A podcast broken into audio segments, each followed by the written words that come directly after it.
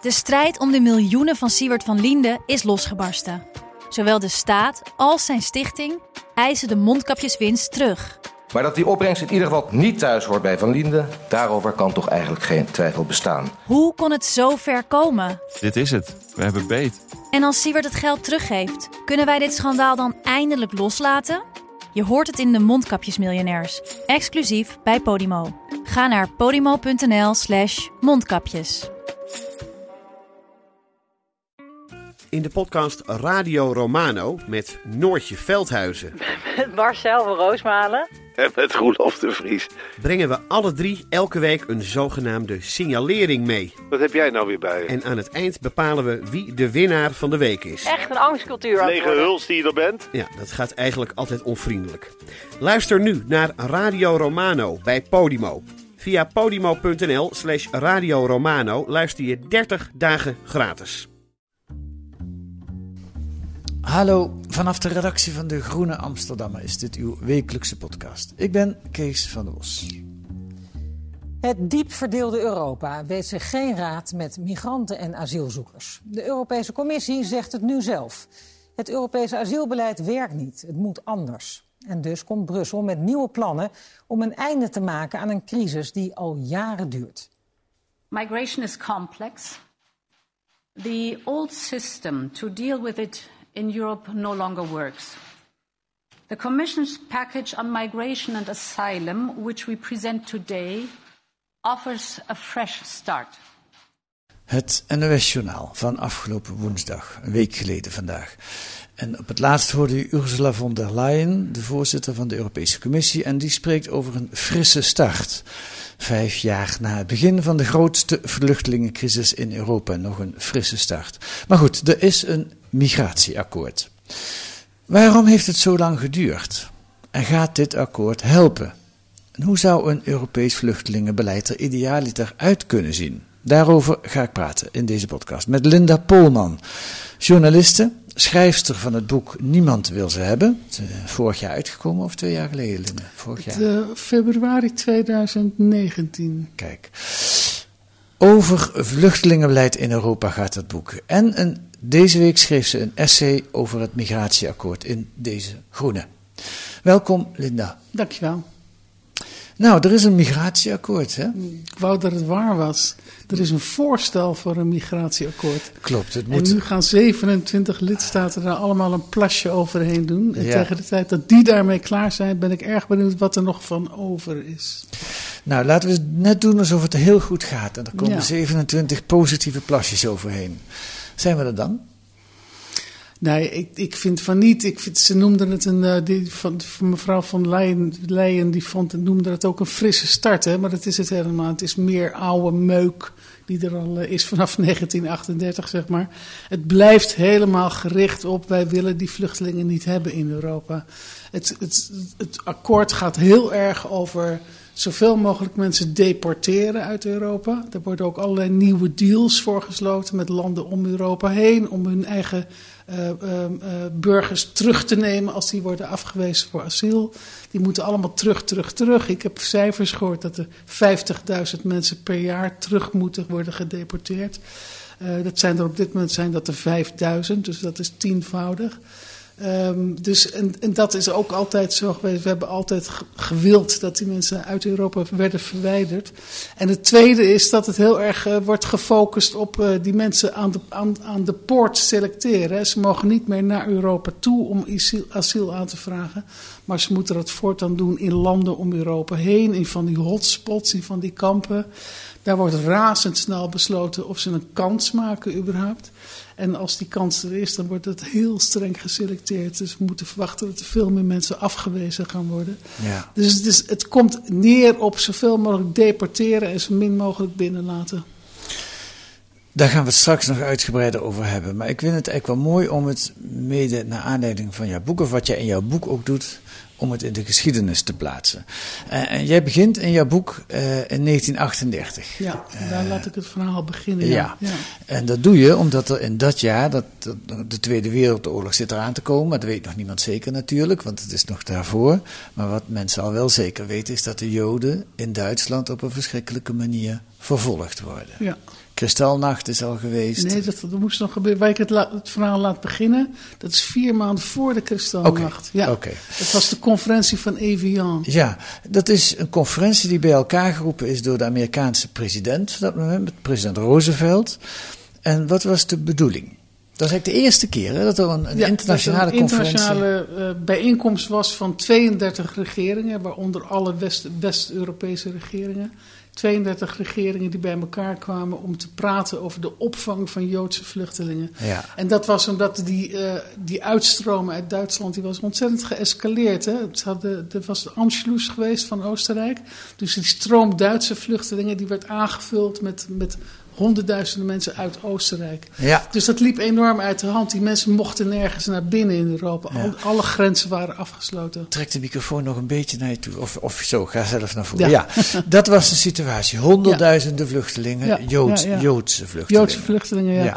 Nou, die vluchten voor hun leven, dat was volstrekt duidelijk. Ja. Eh, de uitkomst van die conferentie, die, die 32 de gedelegeerden van die regeringen, die hebben allemaal heel, heel moeilijk gedaan met, ach, ach, ach, we, we leven mee met die Joden, maar ach, we, we zitten vol. Of de economie valt tegen. Of er waren er ook die eerlijk, die eerlijk genoeg waren om te zeggen, ja, ze passen niet binnen onze normen en waarden. Ze hebben rare gewoontes, dat kunnen wij er niet bij hebben. Ja. En uiteindelijk, na een dag of dertien vergaderen, is de uitslag geworden dat geen één Europees land, zelfs geen één land ter wereld, die Joden heeft willen binnenlaten. Ja. Het was maar één land dat heeft gezegd, doe ons er maar een paar. En dat was de Dominicaanse Republiek. En die wilde daar heel erg zwaar voor betaald worden. Alle andere landen hebben nee gezegd. Toen is die, eh, daarop is de, heeft de Kristalnacht plaatsgevonden. Ik, Ja. ik kan dat geen toeval meer vinden. Duitsland voelde zich gesterkt in zijn anti-Joodse beleid. Nou ja, dat, dat staat ook in jouw stuk. De, Hitler eh, zag die conferentie eigenlijk best graag gebeuren. Ja. Omdat hij al voorspelde, vermoedde, er gaat toch uitkomen dat niemand die Joden wil hebben. Ja. En als niemand ze wil hebben, dan sta ik sterker om te zeggen, ik wil ze ook niet En hebben. hij kan zeggen, als niemand ze wil hebben, waarom moeten wij ze dan wel willen hebben? Ja. En daarom stond in de Völkische Beobachter van eh, het blad van eh, de naties, eh, stond Keiner wil ze hebben. Niemand wil ze hebben en daarmee hebben ze de titel van jouw boek eh, Gejat. gejat. maar het is heel, we lachen erom, maar het is natuurlijk ook heel triest. Ja. Vanaf het begin is, is eigenlijk de toon gezet, we hebben hier vluchtelingen, ai ai ai, heel erg en zielig, maar we willen ze niet hebben. Ja. ja. De volgende scène waar ik met je naartoe wil is een schip. De Ja. St. Louis. In 1939. Wat is dat voor schip? Dat was een passagiersschip. eh, dat vaarde weliswaar onder de Duitse vlag. Tegen die tijd liet Duitsland al bijna geen Joden meer naar buiten. Maar dit schip mocht uitvaren met een paar honderd mensen aan boord. 937 mensen aan boord. Joden, geloof ik, Joden, hè? geloof Ja, ik. en die bijna allemaal Joden. Ja. Er zaten ook wat politieke dissidenten tussen. Die wilden wilde Nazi-Duitsland ook niet meer. Op de vlucht, op die Op boot. de vlucht, ja. Ja, ja, Dus die boot die is gaan varen. Ja. Ehm, en die heeft koers gezet naar Cuba. Deze mensen hadden een visum voor Cuba, waarmee ze tijdelijk toegelaten zouden worden tot Cuba. En Cuba zou dan Amerikaanse visa voor ze regelen. Dus die mensen zijn aangekomen op Cuba. Cuba stond inmiddels in rep en roer. Die wilden die Joden ook niet meer hebben. En uiteindelijk heeft dat schip dagenlang heeft het rondgevaren. Allemaal havens aangedaan. Havens in Amerika, havens in Zuid-Amerika. Werd nergens toegelaten. En uiteindelijk is het teruggevaren naar Europa. Bijna alle passagiers aan boord van dat schip zijn ook om het leven gekomen door de holocaust. Ja, voor een groot deel in de eh, concentratiekampen Ja. van de nazi's. En, en voor ons nog een pikant detail is dat een van de eh, eh, Joden op die boot was Otto Frank, de vader van Nee, Anne dat was de, mo- de moeder van Arnold Grunberg. Oh nee, dat heb ik verkeerd Ja, onthouden. ja, ja. Dat was de moeder van... eh, maar er was Ja. ook iets met Otto Frank. Ja, Otto Frank die is hier eh, in- in- naar Nederland is hij begin jaren dertig. Hij, was, hij hoorde tot die laatste groepen Joden die nog een, een, een, een uitreisvisum eh, kregen om Duitsland uit te komen en een inreisvisum voor Nederland. Maar hij was, werd niet geregistreerd als vluchteling, maar hij werd geregistreerd als emigrant. Als iemand die hier kwam wonen en werken. Dus hij was hier de, em- de, de emigrant, eh, Otto Frank, die zich registreerde Ja. in Amsterdam. Ja. Maar op die St. Louis zat dus de moeder van Ja. Arnold Grunberg. Ja, dat ja, eh, ja, had ik ja. even door elkaar Die gehaald. heeft uiteindelijk de holocaust overleefd, Ja. maar de rest van de familie niet. Nee. Nee. En opnieuw is dit een bijna symbolische reis, zou je kunnen zeggen. De, de vluchtelingen wil meer op een presenteerblaadje dan samen op zo'n boot krijg je ze niet gepresenteerd, zal ik maar zeggen. En ze werden gewoon geweigerd. Ja. En ze moesten terug naar Duitsland. Ja, ja nou ze zijn uiteindelijk geland in Antwerpen. Oh. Duitsland wilden ze ook niet meer. Oké. dus ze zijn geland in Antwerpen. En toen? Ja. En toen werden ze, toen zijn een aantal, paar Europese landen zijn knarsend, tandend akkoord gegaan met het, met het aannemen van een aantal van die passagiers. Ja. Uh, in Nederland, Nederland heeft er ook een paar genomen. Die hebben ze onmiddellijk ver, verkast naar Westerbork. En uh, vanuit Westerbork zijn ze gedeporteerd. Ja. Ja. Je beschrijft. Ja, is, eigenlijk is het verschrikkelijk. Ja. ja. Je beschrijft in de eerste hoofdstuk van je boek ook hoe, ook hoe Nederland uh, ja, bijna geen Joodse vluchtelingen opnam. En wat, wat me erg raakte, ik weet niet meer wie dat zei, was een argument wat daarvoor gebruikt werd. De Joden in Nederland hebben het al een beetje moeilijk. Als wij dan ook nog Joden uit Duitsland hier toe gaan laten, dan kan het zijn dat de discriminatie van de Nederlandse Joden ook wel eens toeneemt. Ja. Je moest uh, antisemieten moest je niet nog meer vuur geven. Ja, dus je helpt de, de, de, de Joden door ze niet toe ja. te laten in Nederland. Ik bedoel, hoe ja. wrang kan de redenering zijn? Ja, ja, ja. Nou, om te kijken hoeveel we opgeschoten zijn, wil ik naar bladzijde 146 van jouw boek. Want daar staat opnieuw een reis van een boot, ja. bootje beschreven. En deze keer is het een rubberbootje uit uh, Tripoli, uit Libië. Met daarop 72 ja, passagiers, ja, zo heet dat als je op een boot zit, maar ze zitten gewoon op een rubberbootje. Um, 50 mannen, 20 vrouwen en twee zuigelingen. Ja. 26 maart, s'nachts, 27 maart, vertrekt het bootje uit Tripoli. En dat is goed gedocumenteerd, ook in jouw boek, omdat ze voor de Raad van Europa hierover verklaringen hebben Ja. afgelegd. Uiteindelijk hebben negen van die 72 mensen hebben de reis overleefd. En die zijn voor de Raad van Europa gehoord. Ja. Ja. Vertel, hoe ging dat?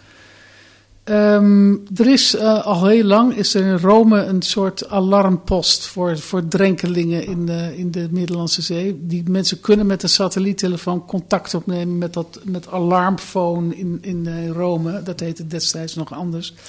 Die hebben toen contact opgenomen dat ze in nood zaten. En die, die alarmfoon die heeft contact opgenomen met onder andere de NAVO. Het was in 2011 en het was de Middellandse Zee nog drukker dan gewoonlijk. Hè? je hebt, nu heb je heel veel commerciële uh, vaarten. Je hebt de kustwachtschepen. En je hebt de, de, de Euro, uh, uh, Europese marine heb je daar rondvaren. Maar in die tijd was er inderdaad een enorme NAVO-vloot. Die was Libië aan het belegeren. Dus... Um, het was, die, die mensen zijn gewoon gezien door die NAVO-schepen. Die NAVO-schepen zijn gewaarschuwd door die alarmtelefoon. En ze hebben allemaal ontkend dat ze die, dat ze die alarm, uh, alarmering ontvangen hebben. Hm. Um, uiteindelijk zijn er, is er een helikopter verschenen boven het bootje. Die heeft een paar rollen biscuit hebben ze gedropt voor en wat die mensen. water, lees ik. Ja, ja, ja, ja, Ja. En uiteindelijk heeft niemand die mensen gered. En het bootje het ging steeds meer water scheppen. En, en uh, ik schrijf uh, dat uiteindelijk het grote sterven begon aan, bo aan, uh, aan boord van het bootje. Na tien dagen begonnen mensen dood te gaan van de, van de honger en van de dorst. Ze dronken urine, ze aten tandpasta. Uh, zonder benzine dreef het daar stuurloos rond in die zee. En ze zijn gewoon gezien door heel veel schepen. En al die schepen hebben de andere kant op gekeken. En uiteindelijk is het scheepje, is na 15 dagen, is dat uh, aangespoeld op de Libische kust. En toen uh, bleken er nog maar zeven mensen in leven. Of negen. Of negen waren ja. het, ja. Weer terug op de Libische kust. Ja. Um, Mag je die vergelijking maken? Want daarom vraag ik het jou zo, hè, met het rubberbootje en de St. Louis in 1939. Wat vind jij?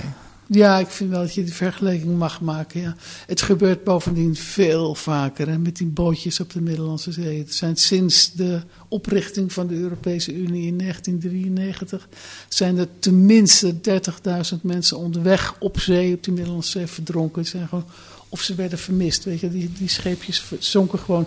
Dus dit, dit scheepje is een van de vele schepen met wie dit gebeurd is. Ja.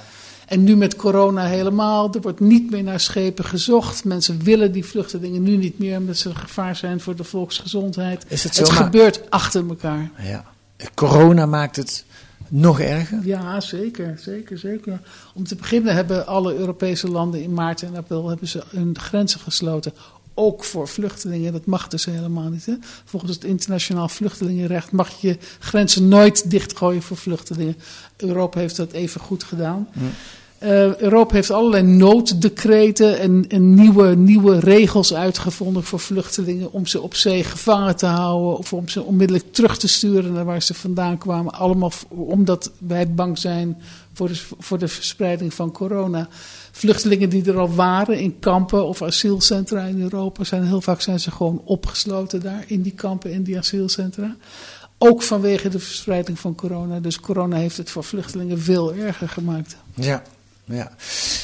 Even nog terug naar waar het, want daar refereerde je al aan, waar het allemaal op gebaseerd is. Uh, na de oorlog uh, is er, was er ook een soort optimisme in de wereld, dat, dat nooit meer. En een van die uh, initiatieven waar dat toe leidde was een Verenigde Naties vluchtelingenverdrag. Ja. In Genève 1951, 52? 51, 52. 51. Ja. En daarin staat uh, beschreven dat jij als politieke vluchteling, als jij individueel vervolgd wordt in jouw land, dan heb jij recht om dan mag je aankloppen bij Nederland, Duitsland, een, een, veilig land. land. Een veilig ja, land. Ja. En dat is waar we ons steeds, of we, waar in de hele discussie, dat verdrag geldt in principe nog steeds. Ja. Zij het dat het vaak, dat gaf je net al aan, met voeten getreden wordt. Voortdurend. En dat nu in dat pact, wat nu uh, uh, uh, misschien gesloten gaat worden in Europa, wordt die hele um, uh, paragraaf over dat vluchtelingen recht hebben om individueel gehoord te worden. Om te kijken of ze recht hebben op asiel. Dat, dat individuele recht gaat, gaat geschrapt worden. Ja. Voortaan worden mensen in die hotspots, in die, in, die, in die centra buiten Europa waar ze asiel moeten aanvragen, zullen worden beoordeeld op hun nationaliteit. Ze kijken naar de nationaliteit of de mensen kans maken op asiel. Kom je uit het verkeerde land, dan heb je al geen kans meer op asiel. Dus dat druist in tegen dat vluchtelingenverdrag. Dat zegt dat ieder mens recht heeft op een persoonlijk gehoor voor een rechter. Om te kijken of hij daar recht op heeft. Ja. En dat is omdat een veilig land niet voor iedereen per se veilig hoeft te zijn. Een homo uit Nigeria bijvoorbeeld, uh, die, die loopt levensgevaar in Nigeria. Of een afvallige in Pakistan, die, die kan maar zo de dood vinden in Pakistan. Terwijl het voor andere Pakistaniën en voor andere, uh, voor andere Nigerianen wel een veilig land kan zijn. Dus dat is een hele essentiële bepaling in dat VN-vluchtelingenverdrag. Ja. Ja. ja, wat er dreigt te gebeuren, volgens mij, of dat lees ik ook in jouw boek, is dat de vluchtelingen verzuipen als het ware in de migranten. Je hebt ook migranten, ja. daar ken jij er ook genoeg van. Uh, mensen die weg willen uit, uit een Afrikaans land, omdat ze geen toekomst zien. Die willen naar. De African Dream is rijk worden in Europa. De American Dream is rijk worden in Amerika. De African Dream is rijk worden in Europa. Um, dat is eigenlijk ook een ander verhaal. Hè? Of voor, voor migranten zou je eigenlijk een ander beleid mogen voeren dan voor vluchtelingen, of niet? Ja, dat mag, ja. ja. Je kunt als land zelf bepalen wat jij met migranten, welke, welke voorwaarden jij stelt aan migratie. Wat vind jij? Um, ik vind ook dat daar voorwaarden aan mogen komen. Maar dat, je moet sowieso je land wel openzetten voor migratie. Als jij, als jij de Europese grenzen sluit voor alles wat er uit Afrika komt. dan staat deze mensen geen andere weg meer open dan in een bootje stappen met vluchtelingen. Mm. Dat is de enige manier nog voor vluchtelingen uit landen in het Midden-Oosten en vluchtelingen uit Afrika, of migranten uit het Midden-Oosten en migranten uit Afrika, mm. om nog naar Europa te komen. Ze moeten met een bootje komen en hun leven riskeren. Dus dat vind ik fout. Er zijn heel veel voorwaarden die je zou kunnen bedenken. We hebben een tijd gehad in Europa waarin de arbeidsmigranten welkom waren. Die waren tijdelijk, gingen ze, gingen ze champignons plukken in, in, in, in, de, in de zuidelijke Europese lidstaten. En na verloop van tijd gingen ze weer naar huis. Ja. Hebben we ook allemaal teruggedraaid, omdat we vluchtelingen wilden tegenhouden. Dus de grenzen gingen dicht. Ja. Dus je kunt heel veel uh, uh, uh, dingen verzinnen waardoor nog steeds migranten naar Europa kunnen komen. Maar dan op een veilige manier. Niet in zo'n mal rubberbootje, maar Ja. gewoon met een vliegtuig. Nou kun je natuurlijk wel zeggen, wat, er komen, als we niks doen, komen er ook veel te veel. Ja, dat, weet je, het is nooit, de aanzuigende werking van, een, van, een open, van open grenzen is nog nooit bewezen. Er zijn altijd uh, uh, mensen eh, die, die naar Europa komen en die vluchten naar Europa, die hebben daar echt goede redenen voor. Die komen niet omdat de macaroni hier lekkerder is. Nee. Mensen laten alles achter wat ze hebben. Ze vluchten voor hun leven. Maar dan heb je het over de vluchtelingen. Maar er zijn ook migranten, die ken je ook, die komen niet omdat ze per se weg moeten uit hun land. Nou ja, wat is weg ja, moeten? precies. Ja, maar daar Ja. ga je dus al. Hè? Ja. Dat zijn mensen vaak uit dodelijk arme landen die nul perspectief hebben daar.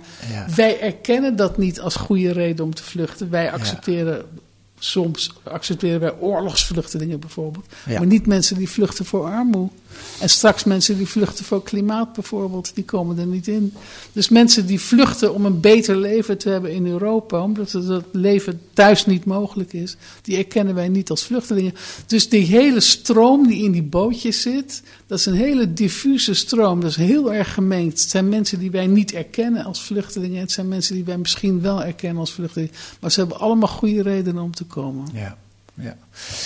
Goed, laten we eerst vaststellen, voordat we even naar de alternatieven gaan kijken, he- het failliet van het Europese vluchtelingenbeleid eh, kun je zien, denk ik, in de kampen. In Moria, in Lampedusa of in de kampen in Libië, eh, waar, waar vluchtelingen onder totaal onacceptabele omstandigheden zitten.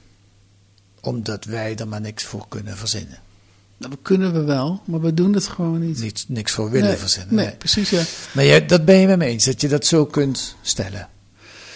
Eh, ja, ik denk dat dat failliet ook al te zien is in kampen in, eh, in Afrika. Ja, dat bedoel ik. Die Ja. Daar ben je geweest ook, Ja, hè? in die heel kampen. veel, ja. in Libië ook bijvoorbeeld? Of welke nee, ben, Libië ben ik nog nooit geweest. Nee. welke ben je wel geweest? Eh, in heel ehm, Centraal- en, en West-Afrika, Oost-Afrika, die heb ik allemaal wel gezien, ja. Soudaan.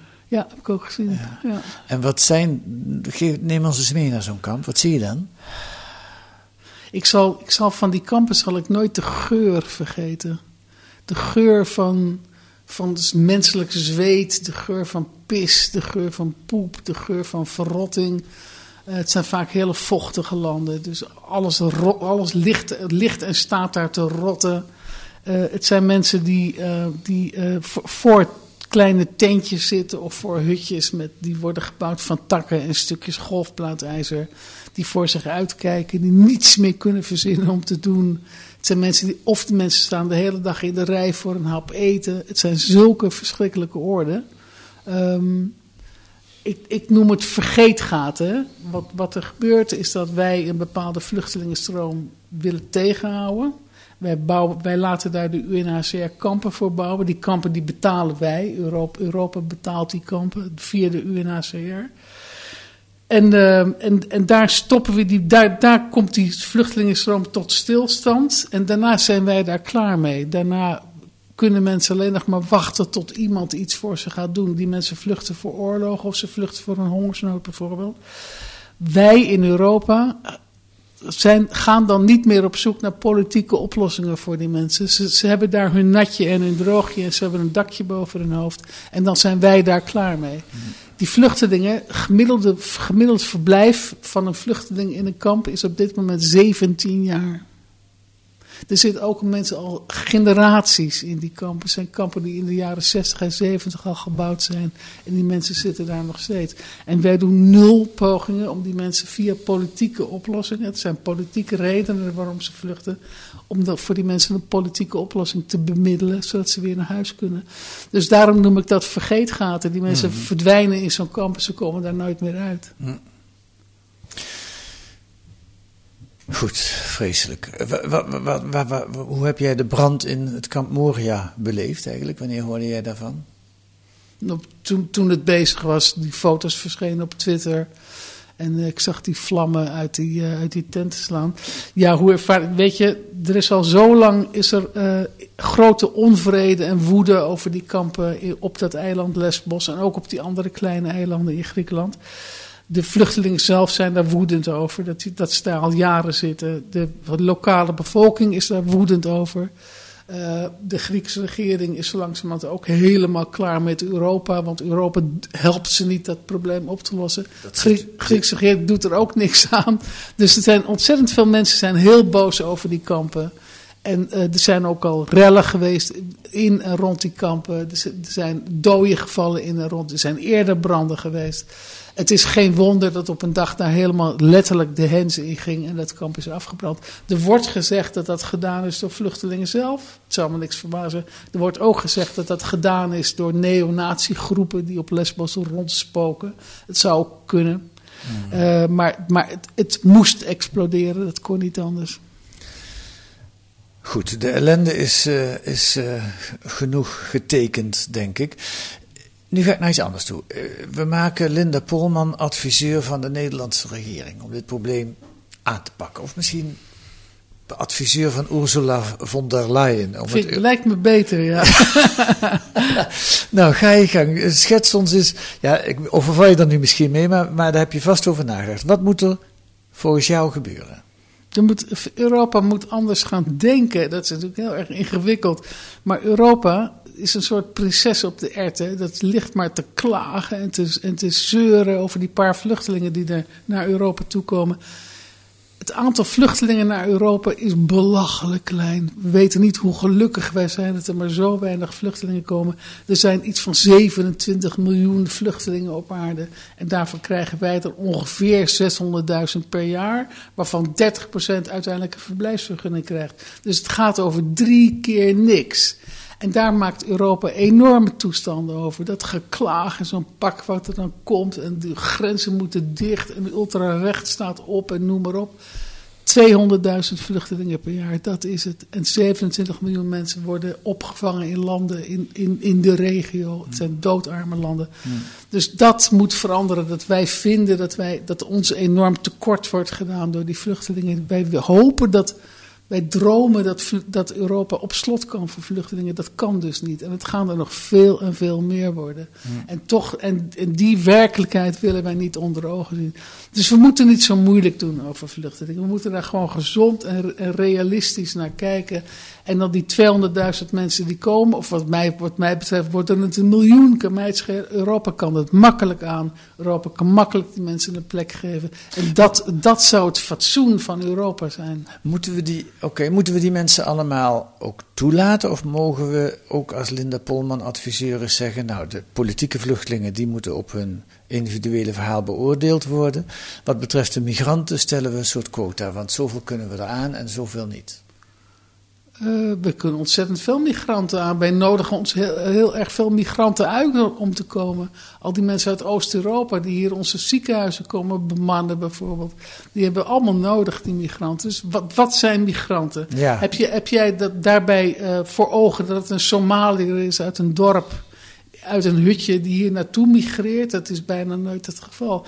Migranten zijn, zijn meestal mensen uit Europa of, of in de directe omgeving. Of het zijn Amerikanen of het zijn Chinezen die in IT-centra gaan werken bijvoorbeeld. Dat zijn migranten. Daar kan, daar kan Europa er ontzettend veel van hebben en die hebben we ook nodig. Waar jij aan denkt, zijn die mensen in bootjes, denk ik. Dat dat migranten. Nou, dat zijn, ja, we, jongens uit Cameroen, uh, Nigeria en Afrikaans land, die, die een betere toekomst willen. Ja. En, die, en die, eh, vaak zijn het ook nog de meer ondernemende types, die misschien ook nog wat geld bij elkaar kunnen scharrelen, zodat ze in zo'n bootje terechtkomen. Daar zijn ook al vaak in documentaires beelden van geweest. Of ook de, de, de, de moeders die in die landen dan treurend achterblijven dat ze hun zonen weg zien gaan. Verhalen van mensen die al twee, drie keer teruggestuurd zijn en toch weer in een bootje stappen. Mensen die op zoek zijn naar een beter leven. Ja. Uh, moeten we die ook allemaal toelaten? Uh, ik denk dat als je daar een beleid voor gaat maken, als je, als je, als je uh, mensen in hun eigen land de kans geeft om te solliciteren naar een baan in Europa. Het zijn, vaak zijn het seizoensmigranten die inderdaad die champignons gaan plukken bijvoorbeeld. Dat is wat mensen graag willen. Ze willen naar Europa komen om wat centen te verdienen. En die centen die gaan, er weer, gaan er weer terug naar hun eigen land. Ik zie daar het probleem niet van. Um, dus op dit moment, als je nu naar Europa toekomt en je redt het leven naar Europa, dan is het dus uh, uh, bijna onmogelijk dat jij uh, teruggaat naar Afrika en het dan volgend jaar weer gaat doen. Je hebt je leven gewaagd, je hebt ontzettend veel geld geïnvesteerd in die reis naar Europa. Dus je blijft hier voor altijd als je hier eenmaal bent. Geef mensen die kans om na een paar maanden weer terug te gaan naar Afrika en daar, en daar je geld te investeren. Uh, als je die mensen die kans gaat geven voor die tijdelijke seizoensarbeid, dan denk ik dat het er alweer heel anders uitziet. Dus moet je ze allemaal toelaten? Waarschijnlijk niet. Als mensen hier permanent willen blijven, dan mag je best eisen stellen. Seizoensmigranten, wat mij betreft, zijn ze allemaal welkom, zolang wij die boerderijen in Italië en, en Portugal en Spanje moeten bemannen. Waarom niet? Waarom zijn we daar zo ontzettend bang voor? En jij denkt niet, kijk, het beeld van. Uh, nou, laat ik even een stukje horen van uh, Rutte in 2016. Want de, de, de, grote stroom van migranten begon deze, deze keer in 2015. Hè. Toen zijn er uh, iets meer dan een miljoen naar Europa gekomen. Um, ja, maar dat had dus een hele duidelijke reden waarom ze kwamen. Vertel. Ja, dat was een oorlog, een verschrikkelijke oorlog waaruit die mensen vluchten. Ongeveer 70% van die mensen kwam uit Syrië. Ja. Ja. Dus het waren geen wilde migranten die hier uh, de boel kwamen leegvreten. Die mensen hadden een hele goede reden om te vluchten. Toen kwam het beleid op om deals te sluiten met, uh, uh, dat, dat gebeurde al langer, maar toen werd het heel populair. En Rutte, of hij sloot namens Europa, Nederland was toen voorzitter, de beroemde Turkije-deal. Ik heb daar nou een heel klein fragment van. De boodschap aan vluchtelingen die de oversteek willen maken van Turkije naar Griekenland is: doe het niet. Je betaalt veel geld, je neemt levensgevaarlijke risico's en uiteindelijk eindig je weer in Turkije en kom je onderaan de lijst. Ik zie jou diep zuchten als ik dit laat horen. Ja, als je nagaat dat 70% van die mensen uit Syrië kwam. En dan nog eens een keertje 15% uit Afghanistan. Waar gaat dit dan over? Dan vertel je die mensen om dat niet te doen. Ze vluchten voor hun leven. Dus ja, doe, doe dat niet. Ja, wat, wat is dan het alternatief voor die mensen? Dus ik begrijp dat helemaal niet. Ja. Tot slot, het grote probleem, of een van de grote problemen, ook weer in het migratiepact, wat nu uh, voorgesteld is en misschien gesloten gaat worden, het Europese migratiepact, is als je mensen hier hebt die je, waarvan je zegt migranten, dan hebben we niet over echte vluchtelingen, maar over mensen die, ja, wat, steeds krijgen we die twijfel natuurlijk, maar over mensen die voor een beter leven, niet voor een oorlog gevlucht zijn, maar naar een beter leven gevlucht zijn. En je zegt, nou, daar, we hebben er te veel van, die willen we terugsturen naar Soudaan, naar Marokko, naar eh, Algerije. Dan is het grote probleem in het vluchtelingenbeleid dat je dat helemaal niet kunt die mensen van Marokko bijvoorbeeld wil die mensen helemaal niet terug hebben. Marokko wil ze soms terug. Marokko uh, speelt dat echt heel erg handig, net zoals Erdogan in Turkije. Uh, als die iets willen van Europa, dan draaien ze de kraan dicht. En als, ze iets, als, ze, als, ze, als Europa ze dan hun zin heeft gekregen, dan gaat die kraan weer open. Dus uh, Marokko speelt, speelt, dat heel. Ze gebruiken, ze gebruiken die mensen als pionnen in op een ganzenbord. Uh, waarbij voortdurend onderhandeld wordt over hoeveel, hoeveel ze er terug willen. En als, ze, als Europa heel stout is, dan zetten ze de kraan de andere kant open. Dan mogen er meer vluchtelingen naar Europa ontsnappen. Mm -hmm. Dus dat spelen ze heel erg handig. Maar wat vind je ervan als politici in Nederland zeggen dat is een geweldig groot knelpunt? Hebben ze dan een punt? Ja, maar dat hebben ze ervan gemaakt dus. Als, zij, als Europa heeft zichzelf heel erg chantabel gemaakt. Europa wil per se al die mensen terugsturen. Um, en, en Mar Marokko en Turkije, die, die, zien daar wel een mooi speelveld voor zichzelf. Ja. Er is Europa heel erg veel aan gelegen om die mensen terug te sturen. Dus Europa is bereid om daar heel veel geld voor te betalen, of heel veel zakelijke deals voor te sluiten, of een, speciaal visumbeleid uh, op, op te voeren. Dus ze hebben zich enorm chantabel gemaakt, omdat ze die mensen zo ontzettend graag kwijt willen. Uh, dus ja, dan mag, dan mag je verwachten dat er ook gebruik van wordt gemaakt door deze vreselijke dictators ja. in uh, Turkije en in Marokko. Het zijn gewoon hele nare mensen die daar aan de macht zijn. Ja. En die, die spelen met die levens van die vluchtelingen. Kortom, wij moeten niet de prinses op de echt uh, nee. blijven. Nee. we moeten niet zeuren. We moeten ruimhartig mensen opnemen. Weet je, Europa heeft ooit gezegd dat wij het, uh, het, het lichtbaken voor de rest van de wereld zijn. Hè? In Europa worden alle mensenrechten gerespecteerd. Wij zijn de grote promotoren daarvan, van die mensenrechten en vluchtelingenrechten. Dat zijn we helemaal kwijtgeraakt door, door, door de politiek. En dat zouden we terug moeten willen. Wij moeten weer dat baken worden waar de rest van de wereld bewonderend naar kan kijken. In Europa is, gaat het goed met mensen. In Europa worden de mensenrechten gerespecteerd. Uh, daar moeten we weer naartoe. Maar dat is nog een lange weg, denk ik dan. Weet je, tuurlijk, dat zeg ik stiekem tegen jou, natuurlijk is dat een lange weg. Maar ik geloof daarin, ik moet daarin geloven. Als ik daar niet in geloof, dan knoop ik mezelf nu op. dat willen we niet hebben. Dankjewel, Linda Polman, voor dit interview.